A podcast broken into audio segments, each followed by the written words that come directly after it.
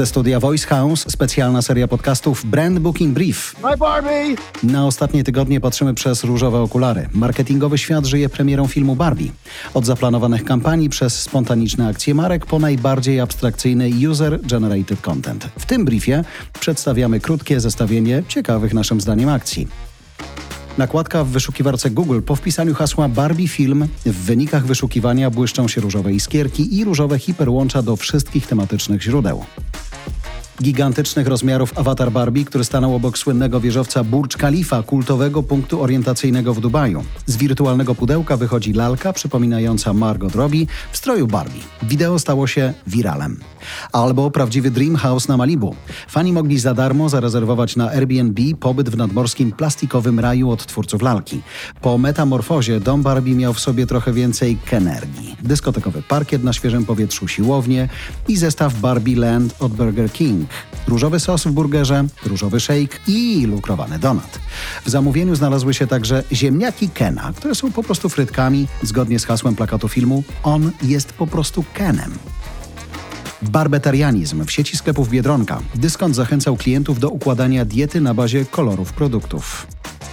W mediach społecznościowych trendem były zdjęcia selfie w wersji awatara Barbie i Kena. W generatorze barbie.me opartym na AI wystarczyło wrzucić swoje zdjęcie, wybrać kolor skóry, włosów i podać adres e-mail, a wtedy system generował obrazek. Co ważne, program nie jest własnością firmy Mattel, producenta Barbie i budzi podejrzenia co do bezpieczeństwa przetwarzania danych. Eksperci przestrzegają, że serwis nie spełnia podstawowych standardów w Unii Europejskiej związanych z RODO, a ma pełny dostęp do wizerunku i lokalizacji.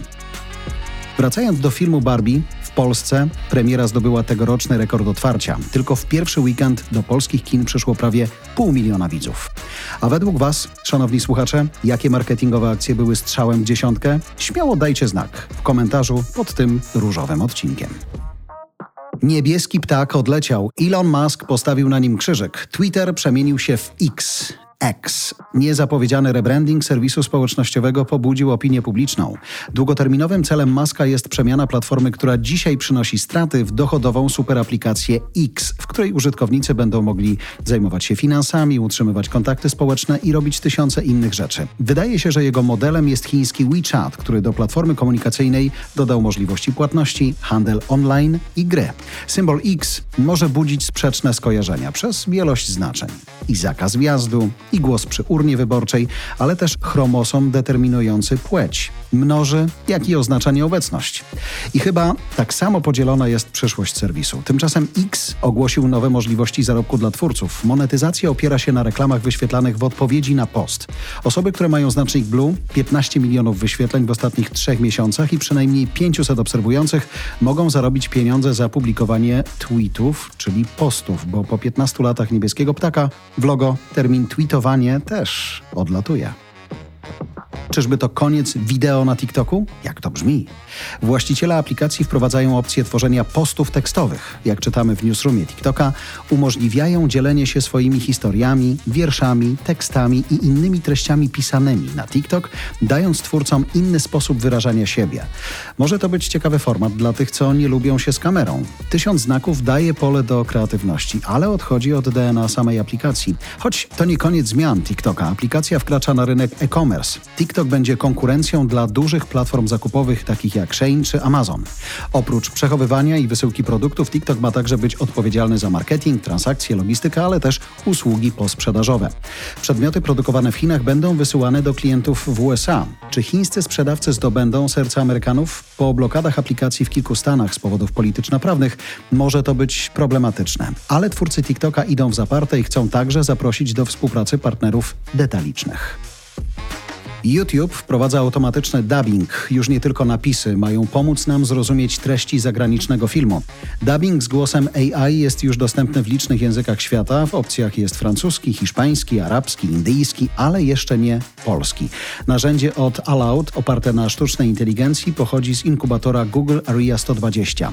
Automat najpierw robi transkrypcję naszego filmu, którą możemy przejrzeć i edytować, następnie algorytm tłumaczy tekst na język obcy i generuje głos zbliżony do lektora lektora. Automatyczny dubbing na YouTube na razie raczkuje. Twórcy Aloud chcą, żeby przetłumaczone ścieżki dźwiękowe brzmiały jak głos twórcy z większą ekspresją i synchronizacją ust. Te funkcje mają być dostępne w 2024 roku. Spotify z nowym rekordem w ostatnim kwartale odnotował 36 milionów nowych aktywnych użytkowników netto miesięcznie, co jest najwyższym wzrostem w historii. I choć gigant streamingu muzyki i podcastów w dobrym tempie rozwija swoje bezpłatne bazy użytkowników i subskrybentów, jego biznes dalej jest nierentowny. W dłuższej perspektywie dyrektorzy Spotify chcą uzyskać 30-35% marżę zysku brutto i planują to osiągnąć przychodami z reklam. Po więcej newsów o podcastingu i świecie audio zapraszamy do naszego voiceletera. Link do subskrypcji znajdziecie pod tym odcinkiem. Automatyczny make-up w Teamsach, wirtualny makijaż od firmy kosmetycznej Maybelline można już włączyć w czasie biznesowego spotkania. Dzięki wykorzystaniu rozszerzonej rzeczywistości w Microsoft Teams możemy w każdej chwili skorzystać z cyfrowej make-upistki i 12 opcji makijażu. Ciekawe, czy oszczędność czasu na malowanie będzie wpisane na listę benefitów pracowniczych. Możecie podać ten news do działu HR. Jak zareagują? Coca-Cola popularyzuje narzędzia AI na muzycznych festiwalach. Platforma Coke Studio angażuje festiwalowiczów do tworzenia własnych piosenek z użyciem sztucznej inteligencji. Studio AI bawiący się mogą skomponować własną melodię, okładkę albumu i teledysk. Wystarczy, że odpowiedzą na serię pytań i w kilka minut powstaje unikalny utwór w kolekcji Coca-Coli. To przykład, że wideo AI i ChatGPT w błyskawicznym tempie zagnieżdżą się w zachodniej popkulturze. Rowerem na ślub, porodówkę i na pogrzeb. Wojewódzki Fundusz Ochrony Środowiska i Gospodarki Wodnej w Gdańsku chce w humorystyczny sposób zachęcić do korzystania z roweru. W spocie Nie wykręcaj się pokazane są skrajne sytuacje, w których dwa kółka nam nie wystarczą. Przeprowadzka, odbieranie matki z noworodkiem, czy także transport trumny. Wideo niestety nie stało się wiralem, za to wywołało falę krytyki wobec twórców. W komentarzach czytamy, że prześmiewczy wizerunek rowerzysty nikogo nie zachęci do porzucenia samochodu na rzecz ekologicznego transportu. Spot zostawiamy do Waszej oceny. To był Brand Booking Brief od Voice House i agencji Kuźniar Media. Źródła informacji znajdziesz w opisie odcinka podcastu i na stronie voicehouse.co.